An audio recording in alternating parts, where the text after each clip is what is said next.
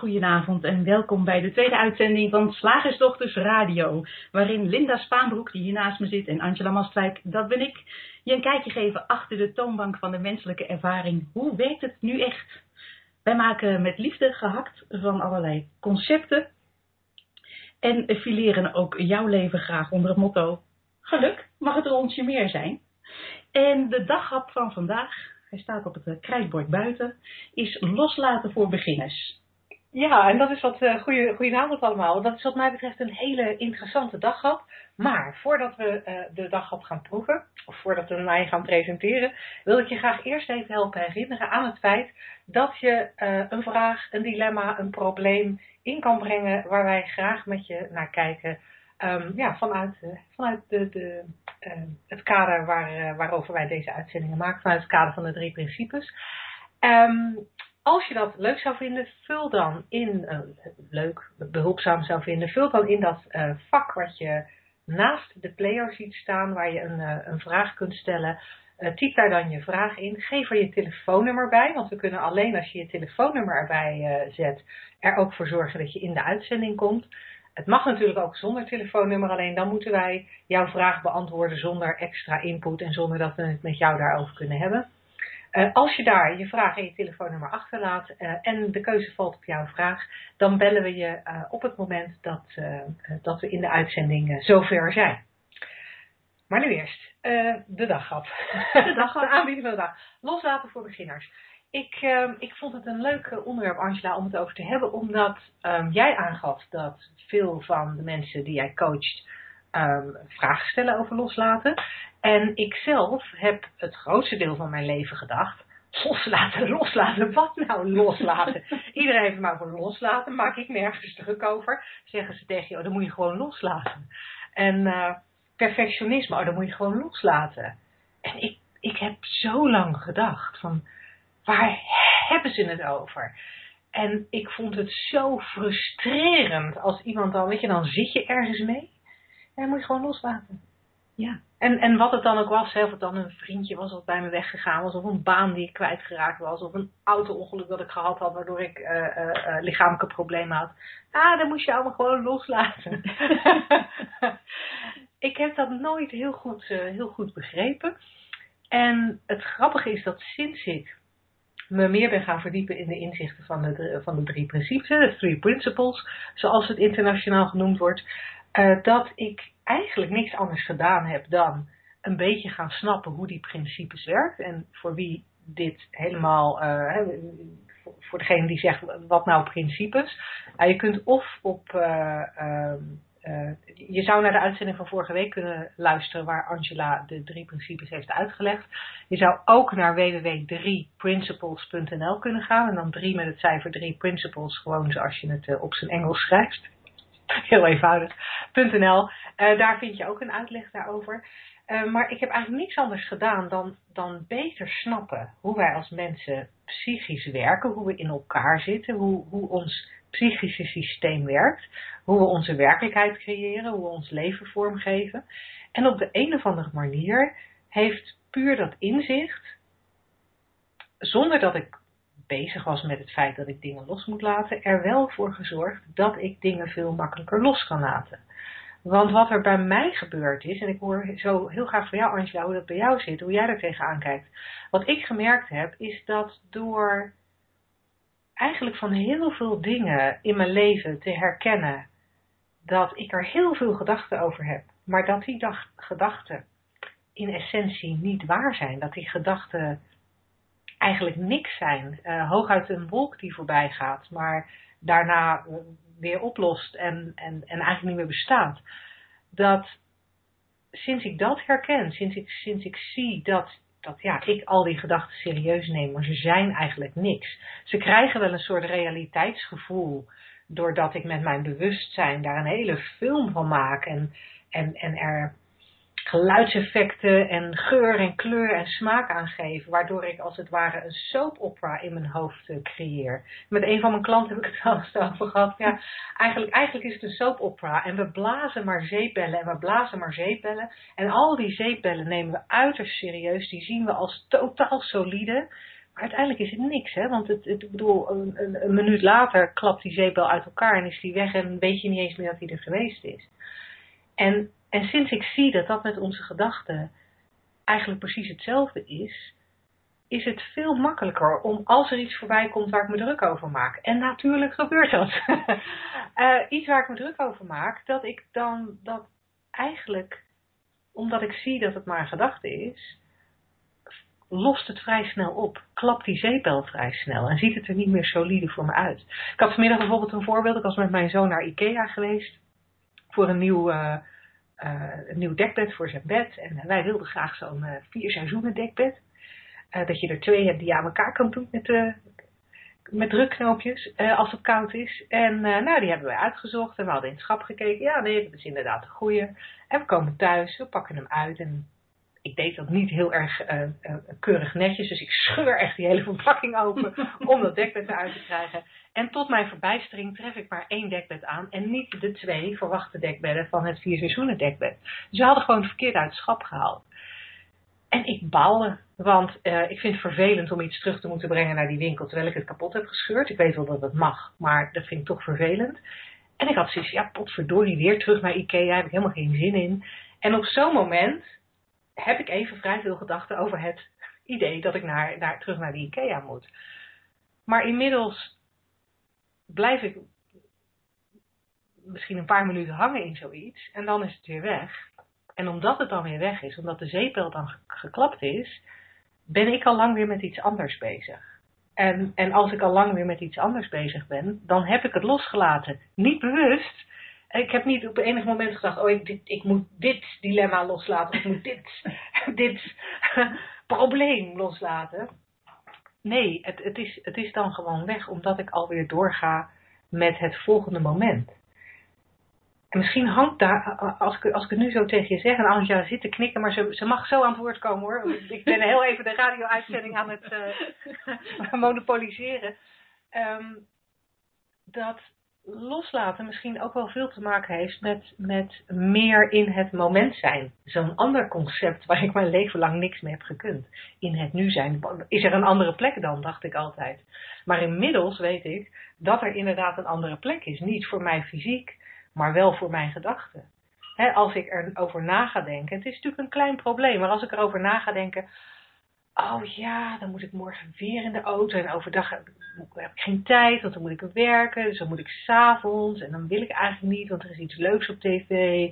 En ik, en, ik ga en ik denk daar wat langer over na. Dan zie ik mijzelf al naar die IKEA shocken met mijn zoon, die dan natuurlijk ook geen zin heeft. En dan, en dan moeten we weer door die warme IKEA heen. En je, snapt wat er kan gebeuren. Als ik dat toesta, uh, kan ik daar helemaal ingaan. Maar dan ben ik in feite de toekomst aan het voorspellen. Dan ben ik aan het nadenken over iets wat misschien morgen gaat gebeuren, maar misschien ook helemaal niet. Want ik, ik kan niet voorspellen hoe ik me morgen voel, of hoe mijn zoon zich morgen voelt en hoe warm het morgen in de IKEA zal zijn. Dus het is eigenlijk allemaal onzin die ik loop te bedenken. Maar het voelt wel heel echt. En als ik meer gewoon niet alleen fysiek in het nu kan zijn, maar ook met mijn gedachten in het nu, uh, en ik zit nu armbewegingen te maken vanuit de verte naar mij toe. Als ik in feite die, die toekomst naar me toe haal. En gewoon, ja oké, okay, wat is er nu? Nou ja, nu is de radio-uitzending. Dan, dan, dan is het ineens een stuk makkelijker om dingen los te laten, merk ik. Ja, hoe is dat voor jou? Nou, het is inderdaad een vraag die ik vaak krijg. Van hoe laat ik los? Terwijl ik zelf nooit de zogenaamde opdracht geef om iets los te laten. Want zodra je tegen iemand zegt, joh, laat het los, dan lijkt het alsof je het, het probleem bagatelliseert. Zo van, nou ja, het is niet zo ernstig zoals jij, als jij laat blijken, eh, laat maar los. En dat lijkt alsof je het, het, probleem wat voor de ander dus heel echt voelt, uh, kleiner wil maken. En daarom denk ik dat dat ook niet werkt. En toch is het een vraag die ik heel vaak krijg. Dus blijkbaar wordt het wel veel gebruikt in communicatie onderling, vriendinnen. Joh, laat lekker los. Ja, ja. En de vraag bij mij komt dan, hoe dan? En ik denk dat er inderdaad geen hoe is. Want het, het, het lijkt er dan op alsof er dit, dit, dit probleem is. Nou ja, van morgen moet ik weer naar de IKEA. Of iets veel groters. Hè, want uh, um, uiteindelijk is het allemaal uh, hetzelfde onderwerp. Wij bedenken iets. Ja. het lijkt alsof, alsof je dat hebt en daar iets mee moet doen. Er is een beer op de weg En die moet je knuffelen of je moet hem loslaten. Afschieten. Of afschieten. Ja. Of je moet er heel hard voor wegrennen. Maar als je, zoals Linda ook zegt, inzicht krijgt in hoe het systeem werkt, achter de toonbank van de menselijke ervaring, en dus inziet dat je het zelf creëert door er allerlei gedachten over te hebben, dan weet je dat die beer op de weg er helemaal niet is en kan je dus gewoon rustig doorlopen. Er is niets los te laten. Dat laat je vanzelf los, want er is er niet. Uiteindelijk is het er niet. Zoals jij hier nu zit, is het probleem van de IKEA en morgen niet. En dan lijkt het probleem van de IKEA is natuurlijk ook makkelijk voor iedereen voor te stellen. Ach joh, laat los en morgen Ja. zie je verder. Maar er kunnen natuurlijk ook eh, andere dingen spelen die wij als grotere problemen ervaren. Ja, en dat, en dat vind ik interessant, want ehm, hè, ik, ik, ik werk veel met ondernemers en wat bij ondernemers natuurlijk altijd een ding is, eh, is de omzet. Ja. Wordt de omzet dit jaar wel net zo goed als vorig jaar en bij voorkeur eh, beter? Dat die, die, die omzet, dat wordt, dat wordt een hele echte solide beer. En wat, mensen, wat ik mensen vaak zie doen is, ehm, is nou ja, en, en, en als je er met, elkaar over praat, dan bevestig je elkaar daar ook makkelijk in. Want het is, het is een, omzet is een concept wat we als, waarvan we als mensen blijkbaar met elkaar hebben afgesproken dat dat, dat, dat ehm, echt is en dat het waar is en dat het klopt. Dus ik heb nog nooit tegen iemand ehm, eh, gezegd over mijn eigen omzet van... eh, of nog nooit van iemand gehoord als ik tegen iemand zei: Goh, mijn omzet eh, ehm, eh, valt wat tegen dit jaar. Dat iemand dan tegen me zei: Ah, dat is niet erg. En als een, een, een ondernemer bij mij komt en zegt: Ik wil een hogere omzet. Want ik, en ik maak me heel veel zorgen, want als mijn omzet niet hoger wordt, dan is mijn winst niet hoog genoeg. En als mijn winst niet hoog genoeg is, dan kan ik mijn hypotheek niet betalen. Dan, dan, dan, dan, is, dan is er maar zelden iemand die zal zeggen: Dan moet je loslaten. Dan moet je loslaten. Dat is helemaal niet erg. We zijn nog niet zo ver. Maar uiteindelijk ga ik wel steeds meer zien dat we, als we, als we erin meegaan, hè, als ik erin meega met een van mijn klanten, of als ik erin meega, als ik zelf dergelijke gedachten heb, wat je dan doet is heel erg uitgaan van, eh, zeg maar heel erg geloven dat dat dat het waar is wat ik op dit moment denk, terwijl het allemaal met de toekomst te maken heeft. Want ehm, ik sprak recent iemand die zei van ja, ik heb uitgerekend, ik heb nog geld tot februari, dus er moet nu echt iets gebeuren, want in februari is mijn geld op. Nou, in mijn berekening, september, oktober, november, december, januari, dan heb je nog vijf volle maanden, eh, zijn er nog vijf volle maanden om dat er iets kan gebeuren, dat er geld verdiend kan worden, dat er banen gevonden kunnen worden, dat er huizen verkocht kunnen worden eh, om minder geld te hoeven uitgeven. Er kan nog van alles. Eh, we hebben geen idee wat er in de komende vijf maanden gaat plaatsvinden, maar, maar bij zo'n ding kunnen we ons niet voorstellen dat we daarvan kunnen zeggen, nou, laten we het loslaten en zien wat er gebeurt, eh, want het is nog geen februari. En ik ga meer en meer zien dat dat, daar, dat, dat hetzelfde eigenlijk dat daar hetzelfde voor geldt als voor het, het, probleem tussen aanhalingstekens of ik nou wel of niet morgen dat dekbed naar de IKEA moet brengen. Want ook, ook, met die omzet is het toekomst voorspellen. En ga ik proberen te bedenken wat ik over zes maanden zal moeten doen of over vier maanden zal moeten doen om een, een beer die misschien wel, misschien niet op de weg gaat lopen, uh, uh, om die alvast uh, af te schieten. Ik wil die beer nu al afschieten terwijl die er nog niet is. En ik weet niet ik weet niet eens wie ik. Ik wou zeggen, ik weet niet eens wie ik nu ben. Laat staan over een half jaar. Maar ik, ik heb ooit iemand horen zeggen van ja, laat, laat de toekomstige jij dat probleem oplossen. Want in februari weet je wat je moet doen om het, als het probleem dan nog bestaat. Maar om nu al, om de arrogantie te hebben dat je nu al kan voorspellen wat er de komende, het komende half jaar gaat plaatsvinden, dat kunnen we als mensen helemaal niet. Nee, Nee, en het is ook, als ik uh, dus uh, doorvraag bij mensen die, het, die uh, dus aan mij hebben gevraagd, hoe moet ik dat loslaten? Als ik doorvraag over wat moet er dan losgelaten worden, komen we er eigenlijk altijd op uit dat wat men kwijt wil, de gedachte over wat er eventueel zou kunnen gebeuren. En dat drukt zo zwaar, want je, je gedachten ja, komen, komen tot leven, zoals jij net al beschreef. Mhm. Dat voel je met heel je lijf. Als je zenuwachtig bent ergens voor je, we kennen allemaal dat gevoel van oh, eh, knoop in de maag, eh, steken in de buik. Dus dat, dat wordt helemaal echt gevoeld. Eh, maar waar we uiteindelijk altijd op uitkomen, het zijn de gedachten die ons plagen en die willen we loslaten. En dan komen we natuurlijk weer terug op, maar wat zijn het dan uiteindelijk? En kunnen we constateren, er is niets los te laten, want gedachten zijn een energie, Ja. ja. hoe je het wil noemen, wat, Ja. wat opkomt en, en, en weer weg hebt. En Ja. wat weer zijn opkomt. zeepbellen die je eigenlijk niet eens kan pakken. Je kan ze eigenlijk niet eens beet pakken. Ja. Cool. Cool, want het verlamt ook als je. Dat kan ik mij zo voorstellen. Jij zei net van, eh, ik, ik kan nu nog niet weten wat ik over eh, een uur ga denken of over vijf maanden ga denken over mijn bedrijf. Misschien krijg ik dan een fantastisch idee. Maar eh, wat je vaak ziet gebeuren is, omdat men zo bezig is met die gedachten herkauwen.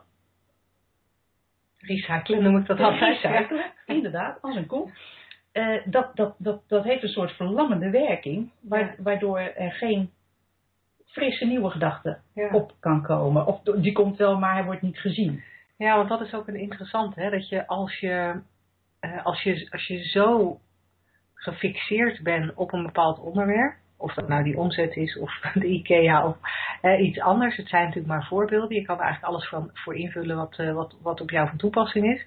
Maar als je er zo op gefixeerd bent, dan, dan, ja, dan dat is eigenlijk een beetje zoals wanneer je een paard oogkleppen opgeeft. Die kan ook alleen nog maar naar voren kijken. En jij kunt dan alleen maar kijken naar die omzet. En, en, en naar februari en wat er eventueel mis zou kunnen gaan. Terwijl op het moment dat je, dat je kan zien dat het nu alleen, echt alleen maar gedachten zijn. En je kan, je kan veel meer gewoon in het nu zijn. Hoe, hoe, hoe erg ik het ook vind dat ik dat nu zelf tegen mensen zeg. eh, dat ze in het nu zijn. Maar als je meer in het nu kan zijn. Eh, en meer kunt ontspannen. Ja, dan komen die, die nieuwe Ja. frisse gedachten. En dan weet je gewoon niet wat er op je pad komt. Dan weet je niet wat voor mogelijkheden je ziet. Eh, het enige wat ik wel zeker meen te weten, is dat als je erop blijft fixeren, je in ieder geval de alternatieve mogelijkheden veel slechter ziet. Ja, dat klopt. Ik vergelijk het zelf altijd met, met eh, dat, je, dat je in een straat staat met een, een rij flats. En jij blijft maar tegen die ene muur aanlopen. Je blijft je daarmee mee bezighouden. En die muur voel je ook echt. Je loopt er tegenaan. Je hebt al eh, een heel blauw voorhoofd ervan gekregen. Terwijl als je eventjes ziet, en dat hoeft maar een split second te zijn, dat, e- dat er even ruimte komt tussen die eh, gedachten. Dat je even, ja, we kunnen het omschrijven zoals we willen, maar als er even een ruimte tussen komt, Ja, dan kan je de lift nemen naar boven en dan zie je wat er altijd al was, Ja. namelijk die hele stad. ja, Terwijl jij maar met je hoofd tegen die muur aan bleef lopen. ja, En Ja. dus de stad die niet kon zien. Omdat het niet in je opkwam om de lift naar boven te nemen. ja. Zoiets. Ja, interessant. Interessant. Hey, ik denk dat we, ehm, dat we het onderwerp loslaten even gaan loslaten. Nou, dat lijkt mij Want een heel ik goed idee. het tijd voor de wetenschap. De wetenschap. Hoe maken we dat klaar? Slagersdochters. Ja, zoals eh, ehm, als je een eh, inmiddels vaste luisteraar bent tijdens deze tweede uitzending, eh, dan ehm, eh, zul je gemerkt hebben dat wij eh, elke uitzending beginnen met eh, zeg maar het thema van de week, de, de daghap zoals we het genoemd hebben. Maar dat we ook elke week graag met je willen kijken naar ja, hoe, hoe kijkt wetenschap nou aan tegen geluk? En er is zoveel onderzoek gedaan vanuit verschillende invalshoeken naar geluk. En eh, Angela heeft een, eh, een hele interessante en mooie invalshoek weten te vinden. Eh, dus daar willen we je graag, daar wil Angela je graag meer over vertellen. En daarna zijn we toe aan de kijkersvraag. Op dit moment zijn er nog geen vragen binnen, dus grijp je kans. Ook als je niet in de uitzending wil, hè, dan, dan stel je de vraag zonder, ehm, eh, zonder je telefoonnummer te geven. Voor ons zou het heerlijk zijn als er een vraag binnenkomt.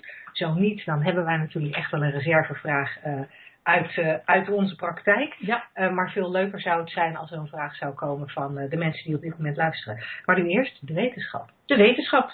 En ehm, waar ik mij in verdiept heb deze week is, nou ja, niet, niet in die wetenschap zelf, want daar heb ik niet zoveel verstand van, maar iemand die zich daar uh, wel uh, jarenlang mee bezig heeft gehouden. Dat is de neuroanatomie. Ik had er zelf eigenlijk nooit van gehoord. Nou, neuro, dat geeft aan, het gaat over de hersenen. En anatomie, dat houdt in hoe zit dat in elkaar, zoals je ook de anatomie van het, van het lichaam hebt. En daaruit werd geconcludeerd, na jarenlange studie en een heel bijzondere ervaring, een uh, praktijkvoorbeeld, dat geluk in je rechter hersenhelft zit. Alleen in je rechter hersenhelft? Alleen in je rechter hersenhelft. Oké, okay. dus die linker kunnen we wegdoen? Nou, dan functioneer je niet echt als mens. Maar uh, dus dat, nee, ik zou, zou er niet in gaan snijden als ik jou was.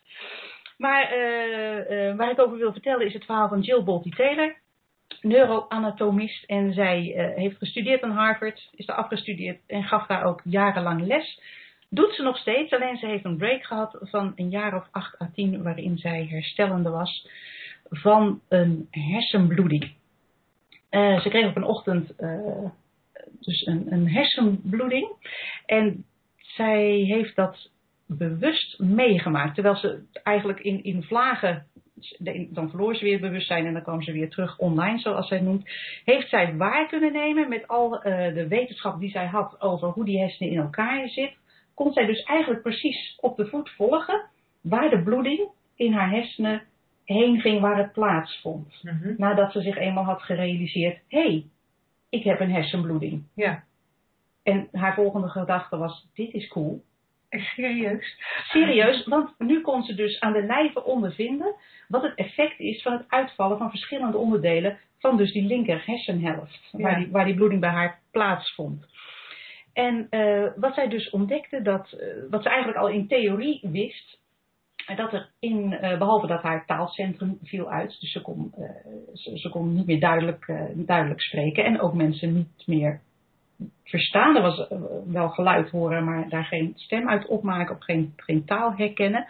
Maar wat zij vooral interessant vond, is dat op het moment dat het een stukje hersenen aangetast werd door de bloeding ter grootte van een ert in haar linker hersenhelft, mm -hmm. verloor zij het idee van een ik.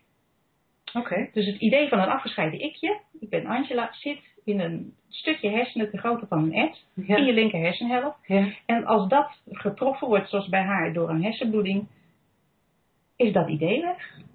Okay. Weet je niet meer wie je bent, zijn al je herinneringen weg, maar ook al je emotionele bagage. Alles wat er ooit is gebeurd, waar je door bent geraakt, waar je triggers hebt, in één klap weg. Mm -hmm. Door het uitvallen van dat kleine stukje in je hersenen. Ja. En dat klinkt natuurlijk uh, uh, gedeeltelijk uh, erg prettig. En dat, en dat was het ook.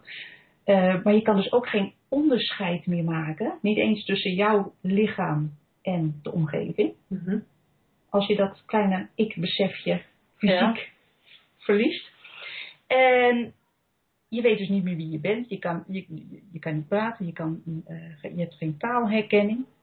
Maar wat je nog wel hebt met een intacte rechterhersenhelft is een fantastisch geluksgevoel. Zij noemt dat zelf La La Land. Ja. Zij was compleet gelukkig. Ze zat na een operatie waarin ze dus een, uh, die, die bloedprop te grootte van een uh, tennisbal weg hadden gehaald. En haar recht, linker hersenhelft niet functioneerde. Zat zij met haar intacte rechter, rechter hersenhelft kwijlend op de bank, beschrijft ze. Maar compleet gelukkig. Want er was geen enkele gedachte die in haar linker hersenhelft op kon komen. Die tegen haar kon zeggen, jij bent uh, Jill en je bent uh, ziek. ziek, je bent ongelukkig, je kan niet lopen, je hebt een probleem.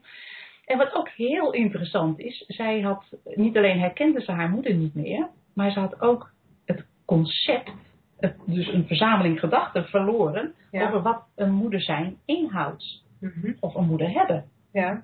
Dus het hele idee moeder was compleet uit haar hersens verdwenen. Ja. En dan denken we, nou, dat is niet, dat is niet zo gezellig, want dan heb je die moeder en je herkent het niet en je weet het niet dat het je moeder is. Maar het leverde ook wel uh, mooie kanten op. Want ook alle emotionele bagage die zij in, in al die jaren met haar moeder had opgebouwd, zoals we dat allemaal wel doen. Hè. Je moeder hoeft maar even zo te doen, dan denk je, hè, daar heb je haar weer en andersom. dat was compleet verdwenen. En haar moeder had dus geen enkele, zoals zij nu, macht meer over haar als moeder, omdat zij het concept moeder volledig kwijt was. Wat ik bijzonder vind, is dat ze zich dit wel nog herinnert. Ja, dat vind ik ook. Haar herinnering is later ook weer enigszins teruggekomen. Mhm. De herinnering aan voora- vooral deze gebeurtenis, Ja. maar ook oudere herinneringen. En zij is dus eh, met eindeloos oefenen, het heeft geloof ik acht jaar geduurd voordat ze weer eh, al haar kennis eh, opnieuw had opgebouwd. Eh, ehm, en, maar met die kennis opbouwen kwamen ook oude herinneringen terug. En daarmee gevoelens waarvan ze dacht, hmm, ik geloof dat ik zonder deze Ballast kan. ballast kan. Ik zocht inderdaad naar een net woord hiervoor. en zij zegt nu, eh, je kan dus een bewust besluit nemen. Die ballast hoef ik niet meer. Want hij kwam dus terug. Ja. En zij Samen heeft met bewust besloten dat ze hem niet meer hoefde. Ja, en dat, eh, zij zegt, eh, dat maakt je dus een heel gelukkig mens. Voornamelijk leven vanuit die rechter hersenhelft, waar dus je creativiteit eh, Ja. zit. Maar dus ook het geluk, het la-la-land gevoel, het Het compleet... lala geluidsgevoel zit erin. Ja. Hey, en, en eh, er schieten allerlei vragen door mijn hoofd. Want ene, en, en die, ik weet niet of je ze kan beantwoorden, maar het ene wat ik denk is, is dan bijvoorbeeld drugs en alcohol, gaan die dan op die linker hersenhelft zitten, zodat we daardoor meer in la la land komen? Maar ook, is er een manier om daar dichterbij te komen? Niemand wil natuurlijk zijn, eh, wil, wil dat een deel van zijn hersenen is uitgeschakeld, maar is er een manier om daar dichterbij te komen? Nou ja, even pratend uit de ervaring van deze wetenschapper. eh, Maar dat is dus haar persoonlijke ervaring. Zij zegt, eh, er is zeker een manier, want je hebt in elk moment de keuze. Als er dus een oude herinnering opkomt die niet zo fijn is, dan voel je dat. Mhm. Hè, dat, dat voel je in je lijf. Je moeder zegt iets en dat triggert iets. Dan heb je op dat moment de keuze om je te realiseren. Dus eigenlijk net als wat wij zeggen, het te doorzien. Oh, die hoef ik niet. Hoeft niet. Dit is niet echt. Dat is, dat, dat is buitengewoon interessant. En ik kan me voorstellen dat iemand die nu luistert dan zegt, ja, maar dan ben je dus alles aan het verdringen. Ja, dat zou je kunnen zeggen. Maar wat wil je dan verdringen? Nou ja, blijkbaar dat die nare herinnering of zo. Hmm. Maar ja, dat, dat zou je kunnen zeggen. Ik heb, ik heb zelf meer het, het, het idee van als het opkomt, komt het op. En je gooit er niets overheen. Je realiseert je alleen. Oh, leuke gedachte, hoef ik niet meer. Ja, ja. Dus het gaat echt alleen om het inzicht wat het is. Want je doet niets om hem weg te stoppen, om weg te krijgen of los te laten. Nee, nee. Alleen de realisatie, hé, hey, Oh, Die ja, zat er zeker nog. meer. Ja, maar eh, nee, zoals je soms nee eh, een, een, oude, een oude broek of een oude trui weggooit. Ja, Oké, hey, en ik schoot me net terwijl je zat te praten nog, nog een, eh, een vraag te binnen naar aanleiding van iets wat je ehm, toen wij aan het voorbespreken waren hierover zei. En, en die ben ik nu even kwijt. Maar ik dacht ik moet wel gaan praten, want anders is er stilte op de lijn en dat hoort niet op radio. nee, stilte op de Nee, lijn. want je, je, je, je zei nog iets heel interessants, vond ik, waar je nu, in, nu iets een beetje snel overheen ging. Ja, Dat ze geen onderscheid voelde tussen zichzelf en, en haar omgeving. En dat is iets wat natuurlijk in veel spirituele stromingen, eh, maar ook binnen de drie principles wel gezegd wordt: van ja, alles is één. Ja. Alles is één energie. En, Ja. en jij gaf aan dat zij daar iets van ervaren heeft. ja inderdaad. Eh, wat zij zei, eh, ik was dus, dus in essentie een, een baby, maar dan in een volwassen vrouwenlijf. En ik ervaarde dus mijn omgeving, ook als een baby het ervaart, zonder afscheidende gedachten. Daar hebben we het vorige week al over gehad. Dus zonder de kennis in je linker hersenhelft. Dat is een boom, dat is mijn moeder, dat is dus allemaal niet ik. Ervaar je dus eenheid. Zie je alles als energie. Zelfs eh, eh, eh, je eigen lichaam, wat natuurlijk ook opgebouwd is uit eh, cellen die in, de, in de kern ook energie zijn. Hè? Daar is de wetenschap ondertussen natuurlijk ook al over. Daar kunnen we het ook nog eens een keer over gaan hebben. En zij zegt, zonder dus die afscheidende gedachten in je linker hersenhelft, zonder die aangeleerde gedachten, ben je een baby en ervaar je alles als één grote zee van energie. Alles, geluid, uh, kleuren, uh, het, on, en, en, dus de, de, het onderscheid tussen je eigen energie en de energie van een tafel. Mm -hmm. Je hebt geen idee waar je zelf ophoudt en waar uh, iets anders dan jezelf begint. Als je dus dat kleine hersenstukje wat zegt, ja, ik ben, ja, niet hebt. En dat is inderdaad fascinerend. En wat zij nu ook uh, op de, opnieuw op Harvard uh, onderwijst aan eerstejaars medische studenten, is dat, dat zij patiënten die een hersenbeschadiging in welke vorm dan ook hebben, op een bepaalde manier benaderen. Met een, zoals wij zouden zeggen, een goede energie. Het maakt totaal niet uit wat ze zeggen. Al, al hebben ze het over uh, het weer of uh, de kat. Want die taal wordt niet herkend. Het gaat erom met welke energie je de kamer binnenkomt en de patiënt benadert. Want hoewel er dus geen onderscheid blijkbaar wordt ervaren tussen ik en de ander, of misschien juist omdat er geen onderscheid wordt ervaren tussen ik en de ander, en dat het alleen maar één energie is, is het van belang hoe die energie dus blijkbaar ja, binnenkomt. Dat lijkt me ook, uh, haar ervaring is ook erg van belang voor uh, de behandeling van uh, patiënten met hersen. Ja, dat is dan natuurlijk prachtig. Ja, ja jij vertelde dat ze, er is een TED-talk op, ja. op internet te vinden van haar. Wil jij haar naam nog even noemen? Ja, haar naam is Jill Bolte Taylor. Dr. Taylor. Jill Bolte, dat is B-O-L-T-E en dan Taylor, T-A, Griekse I-L-O-R. En zij heeft ook een boek geschreven, dat heb ik ook gelezen, en dat heet A Stroke of Insight. En in het Nederlands is dat vertaald als Onverwacht Inzicht. En dat is gewoon bij bol.com verkrijgbaar. Het is, een, het is een, een, een, prachtig boek en het is een hele mooie TED-talk. Ik, moet, uh, ik heb hem al minimaal tien keer gezien. En elke keer moet ik huilen. Nou, dat wil wat zeggen. ja, gaaf. Dankjewel. Dat, um, tot zover de wetenschap. Ja. Waar zijn wij nu aan toe? Wij zijn nu toe aan de lezersvraag. De, de, de luisteraarsvraag. Je had het al over de kijkersvraag, de lezersvraag, de luisteraarsvraag. Oké, okay, nou, de, um, de vraag uh, die, um, die wij voor ons hebben, uh, zonder telefoonnummer, is... Um... Op zondagavond heb ik al buikpijn voor de komende werkweek. Dat lijkt mij een aardig werkdilemma. Dat lijkt mij inderdaad een, een, een zeer onprettig gevoel. En um, het is mij trouwens ook niet onbekend. Nou, mij ook niet. Niet, en niet echt in verband met, met uh, zozeer uh, een werkweek. Omdat ik al. Het is ook voor mij al heel lang geleden dat ik echt een werkweek had. Waarin ik dus naar een, uh, een baas ging en daar mijn ding deed. Maar wel met. Ehm, ik had het dan meer als ik ochtends wakker werd. En dan schoot er onmiddellijk in mijn hoofd de lijst. Ja, oh ja, de to-do-lijst. Ja, en dat gaf inderdaad zo'n zo'n fijne knoop in je, in je maag. Van, oh god, um, um, eerst dat en dan ga ik dat en dan ga ik dat en dan dat om zo laat en dat om zo laat. En dat deed ik compleet mezelf aan.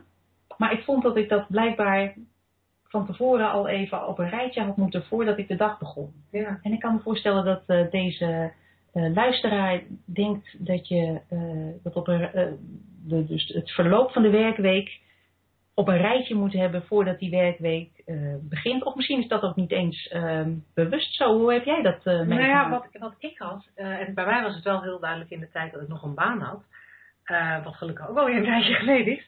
Maar toen ik nog een baan had, ehm, heb, ik wel, heb ik wel banen gehad dat ik uh, op zondagavond dacht, oh, morgen moeten we weer, oh nee, oh, weer dat werk. En oh, en dan had ik heel veel gedachten over dat het saai was en vervelend. En, uh, en uh, nou, dan begon ik aan, aan mijn werkweek. En ik geloof dat ik op mijn werk wel gewoon, weet je, dan, dan, dan wist ik mij wel te vermannen. Dan, dan stond ik er wel. En ik heb een tijdje bij de ING gewerkt en daar was het zelfs zo. Weet je, dan, dan, dan moest ik mijn ING-kleren aan. Dat, dat, was dan echt van die, van die kantoor, van die, van die keurige kantoorkleding. Dat was een beetje mijn uniform. Dan trok ik mijn uniform aan. Ik zweet de hele dag als een otter. Wat volgens mij toch iets te maken had met het feit dat ik niet helemaal ontspannen was. Maar ik deed mijn werk uh, wel goed in ieder geval, voor zover ik uh, dat terugkreeg van, uh, van mijn leidinggevende en mijn collega's. Nou ja, dan, dan, dan, dan werkte ik mij door die, door die werkweek heen. En dan op vrijdag, als ik thuis kwam, dan, dan had ik zoiets van, nou, weet je, het, het is nu weekend en nou ja, ik, weet je, ik heb me nu weer door die week moeten slepen, maar volgende week ga ik het anders doen. Volgende week ga ik er gewoon positief in. En dan, dan Hè, want zo'n ramp was het nou ook weer niet de afgelopen week. Dus, dus dat, dat kan wel weer.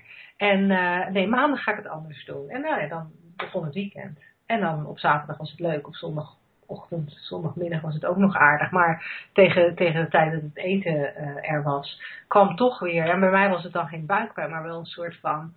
Ik kan nu nog, als te praten, komt het nog terug. Een soort, een soort misselijkheid en een soort benauwdheid van uh, dan, ja, en een soort gevangenschap van helemaal vastzitten. Ja. Dus, dus zo zou ik het interpreteren. En ik, ik weet niet, ik dat, dat, wat dat gaat, luisteraar, is het jammer dat je niet je telefoonnummer erbij hebt gezet, maar met alle respect, het is geen probleem. Uh, maar, uh, dus, dus we moeten even een, beetje, even een klein beetje gokken um, dat, we, dat we nu een beetje op het goede spoor zitten. Um, en ik zie dat er nog een vraag binnenkomt, maar daar kijken we nog niet naar. Angela, we eerst deze vraag. ik zie Angela op het scherm kijken. Um, dat. Um, als ik, er nu, als ik er nu naar kijk, hè, en of het nou jouw dilemma is dat je s ochtends wakker wordt en de hele, de hele dag al projecteert, of dat het mijn, mijn idee was van op zondag eigenlijk de hele week al projecteren voor mij voelt het nu, maar het is een beetje lastig omdat ik er natuurlijk wel, wel weer wat verder uh, van afsta. Uh, voor mij voelt het nu alsof dat vooral te maken had met het feit dat ik alweer al die gedachten aan het herhalen was over hoe vervelend het was en hoe naar het was en hoe saai het was en dat ik er niet paste en da da da da da da da. Dat, dat dat recyclen al begon. En blijkbaar was ik op vrijdagmiddag in staat om het even tijdelijk los te laten om het dan vervolgens op, op, op, op, zondagavond dat vuurtje weer aan te wakkeren of die bellenblaasmachine weer aan te zetten, waardoor ik die hele soap opera weer, weer maakte. En ik, ja, je kan natuurlijk niet terug in de tijd, dus ik, ik weet ook niet of met wat ik nu aan inzichten heb, of ik het anders zou kunnen. Um, ik weet wel dat de dingen nu heel anders voelen, ook dingen waar ik dan misschien toch soms nog tegenop zie. Er is wel veel minder waar ik tegenop zie, dus het komt er niet meer zo vaak voor. Maar als ik er nu naar kijk met de kennis die ik heb, denk ik van ja, als ik had geweten dat het vooral mijn gedachten waren over mijn werk, over mijn collega's, over hoe ik me hoorde te gedragen, over dat ik daar eigenlijk niet tussen paste, over dat ik te langzaam carrière maakte. Ik had echt een partij gedachten. Ik som er nu een paar op, maar ik denk dat het, dat het nog geen 10% is van alle gedachten die ik had over wat er hoorde en wat er moest en hoe het zou moeten zijn. En ik had blijkbaar ook verwachtingen over mezelf en verwachtingen van het, van het bedrijf en verwachtingen van mijn leidinggevende en verwachtingen van collega's en verwachtingen van heel erg veel verwachtingen. En die verwachtingen, al die toekomstvoorspellingen die ik had uh, gedaan, of die ik onbewust had gedaan, het was niet alsof ik het uit had getekend van mijn werk wordt zo te zijn, mijn baas wordt zo te regelen, absoluut niet. Maar al die ongemerkte toekomstvoorspellingen, die nam ik, die nam ik denk ik wel de hele week met me mee. En ik vermoed dat ik dus de hele week een soort strijd aan het voeren was. Met aan de ene kant dat, dat, dat hele concept van hoe het hoorde. En aan de andere kant ja, die mismatch die er was. Waardoor ik totaal niet kon ontspannen.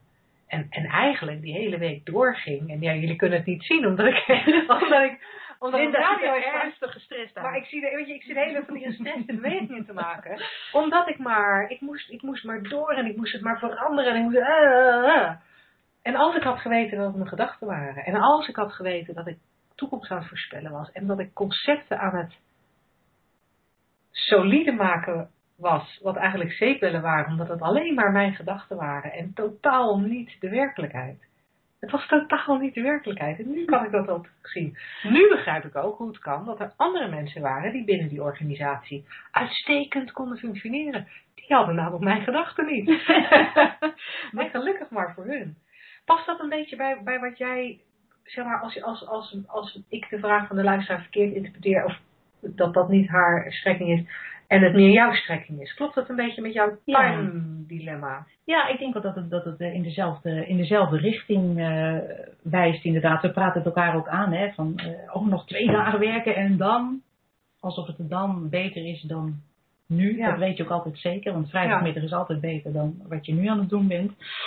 Ehm, nou, ik, ik, ik heb daar wel een leuke anekdote over. Ik, eh, drieënhalf jaar geleden heb ik mijn huis verkocht. Alles wat erin stond zo'n beetje verkocht op weggegeven. En eh, ben ik eh, vertrokken om een beetje door Europa te gaan reizen. En je kan je voorstellen dat er dan da- veel dingen te regelen zijn. Als je dus volledig alles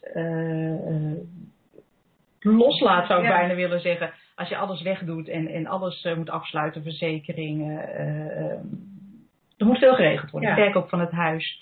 Dus op een ochtend werd ik, eh, werd ik wakker en eh, begon mijn hoofd direct eh, aan mij te vertellen: je moet vandaag die verzekering regelen, dat afzeggen, die abonnementen nog eventjes opzeggen, de postbus regelen. Nou, een, een hele rits opdrachten had ik voor mezelf en ik ging even kijken wanneer doe ik dat, wanneer doe ik dat. Dus ik knoop in mijn maag, ik werd een Ja. beetje onrustig. En mijn vriend vroeg, wat is er met jou aan de hand? Ik lag niet echt meer rustig in bed. Ik zei, nou, ik, eh, ik, zit- ik lig vast te bedenken wat ik eh, allemaal nog moet regelen. En we hebben nog maar twee weken. En, dan... en toen zei hij niet, wat ik dan toch wel enigszins had verwacht. Ach, schatje, maak je niet druk. Hij zei, leuke gedachte, veel plezier ermee. En daar moest ik eigenlijk zo hard om lachen. En ik denk, ja, ik lig hier gewoon in mijn bed. Ja. Ik bedoel, Ja. sta op en doe iets. Ja. Hè? Eh, Stuur die mail naar eh, de libellen. Of blijf je hier liggen, maar dan blijf je liggen lekker rustig. Ja. Ja. En, en uiteindelijk, je doet toch wat je doet. Of je nou die, die lijst hebt of niet. En of je nou al die gedachten ochtends in je bed hebt of niet. Je staat een keer op en je gaat doen wat je Ja. moet doen. Ja, ja en, en, en dat is natuurlijk mo- mooi dat je, dan, dat je dan gaat doen wat je moet doen. En wat ik interessant vind aan wat je zegt, dat doet me ook, ook aan iets anders denken. Ehm, hè, wat jij aangeeft van dat je, dat, je, dat je vriend dan had gezegd van nou veel plezier met die gedachten. En dat jij je realiseerde van ja, ik kan of ik sta op of ik blijf hier rustig liggen, maar niet hier een beetje gaan liggen, moeilijk doen. eh, eh, daar, daar, daar verandert niks door. Nee. Dat het, het, wat, wat ik daar boeiend aan vind, is dat we ook als het, als het daar om dat soort dingen gaat, dat we zoveel gedachten hebben. Want ik interpreteer nou even, ik was er natuurlijk niet bij, maar misschien was het pas half zeven ochtends. En heb jij je voorgenomen, dat doe ik tenminste wel eens, we werken niet s'nachts. Dat doen we niet. Maar als je nou s'nachts wakker wordt, met een briljant idee, hoe erg is het dan om even je laptop open te doen, dat briljante idee op te schrijven, of een boekje, dat briljante idee op te schrijven, en daarna weer lekker te gaan slapen. Maar daar hebben we blijkbaar ook gedachten over, dat dat niet zou mogen. Oh. In ieder geval, eh, dat had ik in het verleden wel. Vanochtend ben ik heel blij om zeven uur opgestaan en aan het werk gegaan, terwijl ik dat normaal gesproken niet doe. maar ik, dus, dus ja, waar, waar we dan toch weer op terugkomen, als we kijken naar het werkdilemma op zondag altijd buikpijn, dat, ehm, dat ik, ik, ik denk dat het, dat het zou helpen voor deze luisteraar.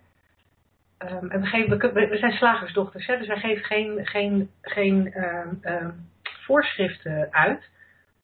Eh, maar we hebben natuurlijk wel het een en ander zelf eh, aan recepten klaargemaakt in het verleden. Zeker, ja. En eh, dus, dus we kunnen wel een beetje putten uit ons eigen receptenboek. En wat, wat in mijn receptenboek best wel helpt en heeft geholpen, is om gewoon eens nieuwsgierig te zijn. Als je die buikpijn hebt, om gewoon eens nieuwsgierig te zijn van. Zijn er gedachten? Kan ik herkennen dat er gedachten zijn die dat veroorzaken?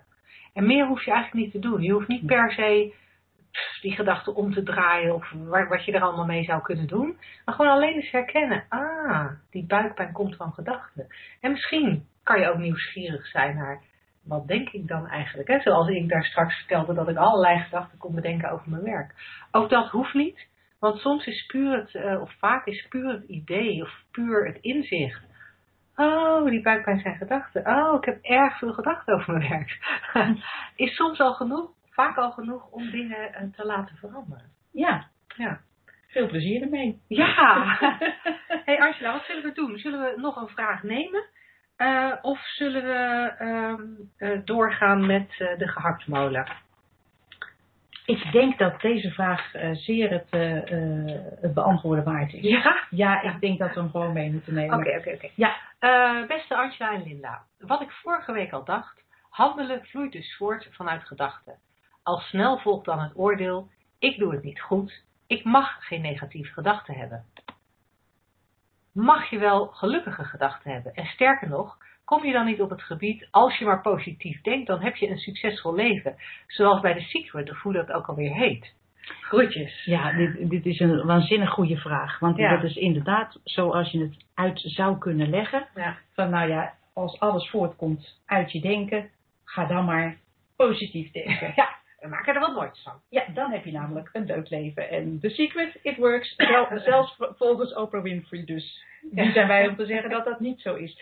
Uh, toch denk ik dat het anders werkt. Mm, uh, er zijn gewoon gedachten. En ik, ik zie dat als een, uh, een, een, een, neutrale energie die ieder mens door zich heen voelt komen. En de ene keer zijn dat wat wij noemen positieve gedachten. En de andere keer zijn wat, dat wat wij noemen negatieve gedachten. Dus er staat een beer op de weg of een lief konijntje. En op zich maakt dat niets uit. En ja, als jij het, het gaat erom, wat zit er achter die gedachte? Voor die gedachte, liever gezegd, tussen die gedachten. Ja, en, en dat moet je zo nog even uitleggen. Want wat, wat ik me. Um, en wat er bij mij opkomt bij deze vraag, ik, ik, ik ben dan geneigd vooral in te haken op het stukje van. Uh, ik mag geen negatieve gedachten hebben en mag je wel gelukkige gedachten hebben. Ze staan bij, bij, bij deze vragen tussen aanhalingstekens. Ja. Um, waar wij eigenlijk naar, naar proberen te wijzen is niet zozeer dat, dat het een goed is en het ander fout. Hè? Dat zou hetzelfde zijn dat wij zouden zeggen, je moet vlees eten, vegetarisch zijn is slecht. Of je moet vegetarisch zijn en vlees eten is slecht. Daar bemoeien wij ons niet mee. Um, waar wij naar willen wijzen is dat dat wat wij eigenlijk achter de toonbank dan zo'n beetje in een la hebben zitten, uh, die menselijke ervaringen, inzicht in die menselijke ervaringen, is, is puur het feit dat je of dat wij onze realiteit scheppen met onze gedachten. We ervaren in elk moment altijd alleen maar onze gedachten. En dat, dat is een beetje een, een, een mindbender wat mij betreft. Dat, dat is echt, daar kan je helemaal van in de war raken. Want ja, um, hoezo dan? In dit moment ervaar ik alleen mijn eigen gedachten. Maar ik kan Angela hier op haar been slaan. Ik kan op mijn bureau. Ik, weet je, ik, kan, ik kan dingen aanraken. Dus hoezo ervaar ik alleen mijn eigen gedachten? Nou, ik wil even, even in het midden laten hoe dat dan zit met, met de vaste vorm. Wat ik inmiddels wel heel zeker weet, is dat hoe ik het ervaar, puur mijn gedachten zijn. En ja, soms is dat negatief als ik een verkeerd dekbed heb gekocht. Soms is het positief. Um, ik wou zeggen als ik het goede dekbed heb gekocht, maar soms, soms kan het ook heel positief zijn als er wel iets gebeurd is wat iemand anders uh, uh, negatief zou opvatten. En dat is, en, en daar gaat het eigenlijk om. Dus het gaat er niet om van je mag alleen maar één type gedachte hebben, want ook die positieve gedachten zijn gewoon zelf bedacht. En als je daar heel veel waarde aan hecht, daar wordt je leven ook niet heel veel beter van, heb ik gemerkt. Ik heb een, ik heb een tijdje uh, meegelopen in, in, in, in die Amerikaanse uh, marketingwereld. En daar is het heel erg de bedoeling. En volgende week gaan we daar waarschijnlijk, als we het over succesvol zijn, hebben nog wel, komen we daar nog wel op terug. Maar daar is het heel erg van. Je moet visualiseren en je moet bedenken dat je het al hebt. En dat grote huis en dat geld en die grote omzet en die mooie kleding en al die mensen die voor je staan te juichen. En als je dat nou maar genoeg denkt, dan komt het vanzelf. En, uh, en dan moet je natuurlijk nog wel wat dingen doen, dat wel, maar dan, dan, dan handel je, hè, dat, dat, dat, zo, werk, zo omschrijf je dat ook in deze vraag, dan handel je vanuit die positieve gedachten en vanuit die aan, aantrekkende gedachten zoals in de secret beschreven wordt.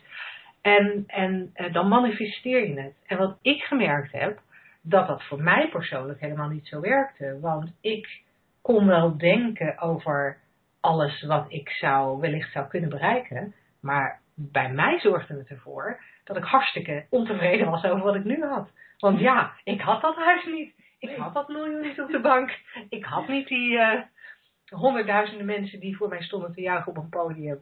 En ik overdrijf het nu natuurlijk een beetje, maar dat had ik gewoon niet. Dus ik werd daar juist heel, heel ongelukkig van. Dus in mijn ervaring werkt dat helemaal niet. Wat mij heeft geholpen, is puur om te weten, een gedachte is niks. Het is, het is even energie, en, maar die kan voorbij gaan en die, ja, ik bedenk hem zelf. En, en dat ik daar van alles bij voel, dat komt omdat mijn bewustzijn aan de slag gaat. En dat weten dat het zo werkt, maakt eigenlijk dat ik het nooit meer 100% serieus kan nemen. Zelfs als ik gewoon echt zo boos op mijn vriend ben. Omdat hij weer zoiets stoms heeft gedaan. Dan is er altijd wel iets, iets in mijn achterhoofd dat, dat ergens een heel klein stemmetje dat weet. Ja, Lynn, je zit nou wel je ontzettend kwaad te maken. En je vindt het allemaal heel erg echt eruit zien. Maar uiteindelijk is het maar een gedachte. En is het niks. Dus je mag elke gedachte hebben die je wil. Echt elke gedachte die je wil. En het enige wat ik zeg, en ik hoor heel graag of Angela daar net even andere mening over heeft. Het enige wat ik zeg is, realiseer je dat het maar een gedachte is. En dat die dus niks betekent. Geen vat op je heeft. En geen consequenties heeft voor de toekomst. Nee, je bent er volledig vrij in om te denken wat je wil. Ja. Je mag echt verzinnen wat je wil en het maakt dus niet uit. En, en wat ik net zei, van het gaat om wat er eigenlijk tussen die gedachten zit. Hè, want we denken nu van, oh ja, positief denken geeft een goed gevoel. Dat is misschien ook zo, maar het is gewoon maar denken. Net zoals Ja. negatief denken een negatief gevoel geeft, maar het is gewoon maar denken.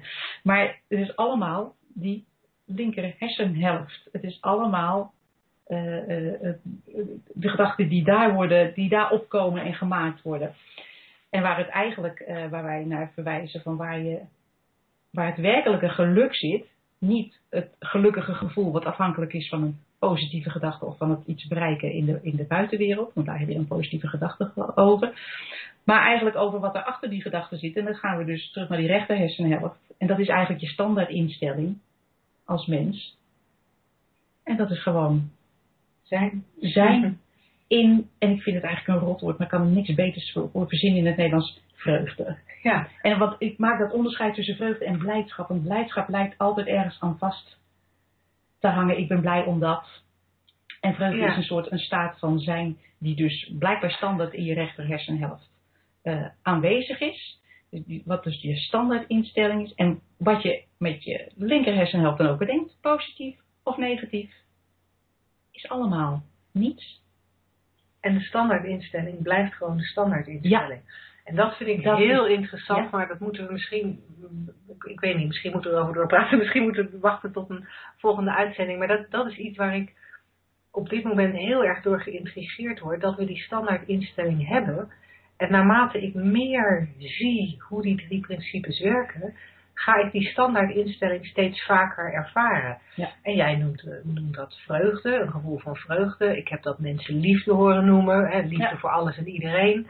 Ehm, ik, ik zelf associeer het heel vaak met een soort tevredenheid, rust, Balans. veiligheid, balans. Ja, wel, wel allemaal van die. Ik, ik kan er niet eens één woord aan geven. En dat komt misschien ook wel omdat het zo ontastbaar is. Dus dan is het ook ingewikkeld om er een woord aan te geven. Ja, die moet dan weer uit die linker hersenhelft komen. En die snapt niet dat die rechter, wat, die- wat die rechter hersenhelft is. Nee, nee. Dus, dus ik zou de luisteraars heel graag willen uitnodigen om bij zichzelf te kijken van hé, hey, herken je ergens je standaard instelling?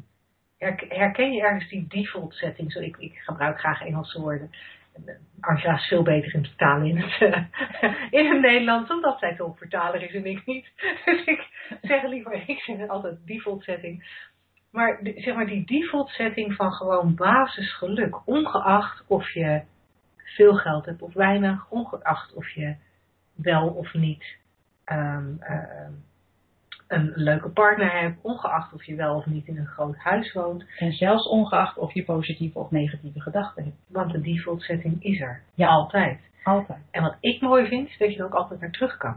Ja, En dat dat een, dat dat een, een, een setting is of een gevoel is, hè, waar we dan daar net wat woorden aan probeerden te geven, die eigenlijk zo, nou ja, zo hersen, rechter hersenhelft is, begrijpen we nu. dat, dat we er ook geen woorden aan kunnen geven. Ehm, maar het is wel lekker. Ja. En als, als, je, als je die default-setting als een soort onderstroom mee kan nemen in je leven, heb ik gemerkt, dan kan je nog heel druk bezig zijn. Ja. en dan kan je nog eh, hele leuke dingen doen en dan kan je soms boos zijn en soms blij en soms what- whatever. Maar als die default setting er is, dan, dan als, je, als, je daar een, als je die een klein beetje kan ervaren en daar af en toe zo eens naar terug kan gaan, dan, dan wordt het leven wel echt een stuk makkelijker.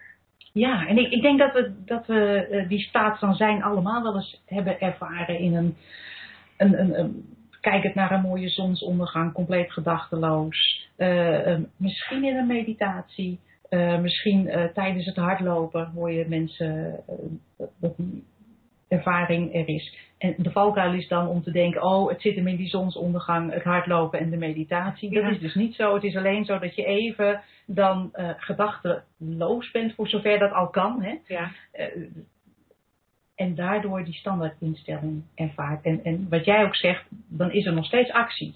Maar wat ik merk is dat die, de actie die je onderneemt vanuit die, die rust, die, die balans, die, eh, die standaardinstelling, is altijd het, precies de juiste respons die je moet hebben. Precies de actie die op dat moment handig is. Ja. Zonder erover na te denken. Je staat op en je gaat het doen. ja. Je, je, je, Ja. je weet misschien niet eens waarom, maar dat bedenkt namelijk die andere hersenen. Ja, ja, dat is grappig. Je staat op en je pleegt dat telefoontje. Of je Ja. staat op en je gaat die wandeling maken omdat je eventjes een frisse neus nodig Ja, hebt. want het is ook een, een, misverstand om te denken, oh, als ik daar ben, hè, want dat, dat is natuurlijk een, een beeld dat we soms hebben van eh, een, eh, spiritualiteit en, en eh, een gelukkige staat van zijn, is de- de- dan doe je niks meer. Dan zit je de hele dag in die grot Ja. of eh, op, die- op die bergtop. Ja, Ja. of eh, eh, eh, dan doe je niks meer. Maar mijn ervaring is dat dat juist niet zo is. Nee, dat is mijn ervaring ook. Mijn ervaring is juist dat als ik echt lekker in contact ben met die default setting. En die is er, nogmaals, hè, die is er altijd. Alleen Ja. ja, soms, soms voel ik hem meer of hang ik er meer in. Ik weet, ik Ja. weet ook niet precies hoe je dat moet omschrijven. Dat ik, da- dan lijkt het haast wel alsof ik veel meer doe. Alsof ik... Ik had gisteren zo'n dag dat ik, dat ik... Ik ben begonnen met mijn werk. Ik heb... Nou, ik somde s'avonds op aan mijn vriend en mijn kinderen wat ik gedaan had die dag. Toen dacht ik, goh, dat is veel. Terwijl ik eigenlijk de hele dag het gevoel had dat ik niet zoveel aan het doen was. Beetje Ja, vliegen ik was een beetje aan het Ja. vliegen inderdaad. Maar Ja. ondertussen had ik drie groepen gedraaid, een coaching gedaan, eh, een vriendin gesproken en, en eten gekookt. dat was echt heel, dat was heel grappig Ja. om te merken. Ja, dat is ook wat we flow noemen. Hè? Dat, is, Ja. dat is misschien ook een ander woord dat mensen misschien wel meer herkennen als, oh ja, in, in, in de flow zitten. En dat is eigenlijk dus een natuurlijke staat van zijn. Ja. Die is er altijd. Ja, ja. ja, en dat is cool. Dat is heel. eh, en, en dat is ook wat we hopen met deze, met deze radio-uitzendingen, om je, om je daar wat meer inzicht in te geven. Omdat wij zelf zo gemerkt hebben dat, dat het ons zo. Ja, mij heeft het vooral veel rust gegeven en echt wel een, een heel groot gevoel van geluk. Ja. Zomaar. Terwijl ik die eh, miljoen nog steeds niet op de bank heb. Nee. nee, dat is echt baal, joh. Ehm, het- maar, maar dan blijkt dus inderdaad dat geluk niet afhankelijk is van dingen buiten je. Nee. En dat was natuurlijk eigenlijk ons laatste onderwerp wat we wilden bespreken. Dus dat bewaren we voor een volgende keer. Dat, eh, en daar wilden we nog aanstippen hoe geluk niet afhangt van eh, Ja, je van man, je kinderen, je huis of wat dan ook. wat iedereen doet. Maar die bewaren Wat je we hebt. Ja, laten we hem in de koelkast zetten. Hey, nog eventjes, die zetten we in de koelkast eh, bij, bij de, naast de oude, oude afleveringen. Eh, die we ook in een koelkast hebben staan, zoals je waarschijnlijk eh, weet. Je kunt deze afleveringen altijd nog eh, terugluisteren via onze website. Ehm, ik was nog wel even benieuwd, Angela, want we hebben nog, we hebben nog een, een paar minuutjes. Wat is voor jou, de, als je daarvan kan spreken, de grootste opbrengst? En ik doe even opbrengst tussen aanhalingstekens van, van de inzichten die jij hebt, die, die je nu hebt. Voor mij is het minder bang zijn. Explain. Heel Elaborate. Ehm, nou, ik had, ik, wat, ik vroeger altijd dacht, is dat wat ik dan, ehm, als ik ergens zenuwachtig of angstig voor was, dat dat ook daadwerkelijk waar was. Dat ehm, het ook eng was om iets te gaan doen. Ja. En, en, en dat het ook allemaal spannend was om. ehm, ik kan niet zo snel een voorbeeldje zoals. zo Nou ja, lang maar geleden. mensen Ehm, vinden het eng om op podia te staan. Of ze vinden Ja, het eng om een telefoontje te plegen. Ja, eh, ja, telefoontjes plegen bijvoorbeeld vond ik altijd heel vervelend. Ja. Ja, met, met het idee van, ja, val ik de ander niet lastig? Eh, stel ik geen stomme vraag? Eh, en niet eens dat ik dat bewust dacht, maar ik zag gewoon altijd tegen bepaalde telefoontjes op. Ja. Ja. En eh, ja, dat kwijtraken, omdat je, ik kan nog steeds wel eens, nou, een knoop in mijn maag hebben, maar ik ben niet bang meer voor mijn angst. ja, dat is een hele coole. Ja. En er is meer om, eh, en er is meer te, te halen en te krijgen als je in, een beetje in deze richting eh, blijft kijken. Ehm, wij, wij doen dat in ieder geval heel graag met je volgende week tijdens onze volgende uitzending. Lijkt me leuk. Ehm, het zou geweldig zijn als je erbij bent. Nodig vooral vrienden, vriendinnen, kennissen, familie, kinderen, ouders uit. Die, eh, die wellicht ook een klein beetje meer geluk kunnen gebruiken. Collega's. Collega's, oh, een hele belangrijke groep die wel wat gelukkiger kan worden. Buren. En ehm, ja, dan zien we je, of dan horen we je, spreken we je heel graag. Volgende week weer, zelfde tijd, zelfde plaats. Tot dan! Of we dat afgesproken. The moderator has left the conference.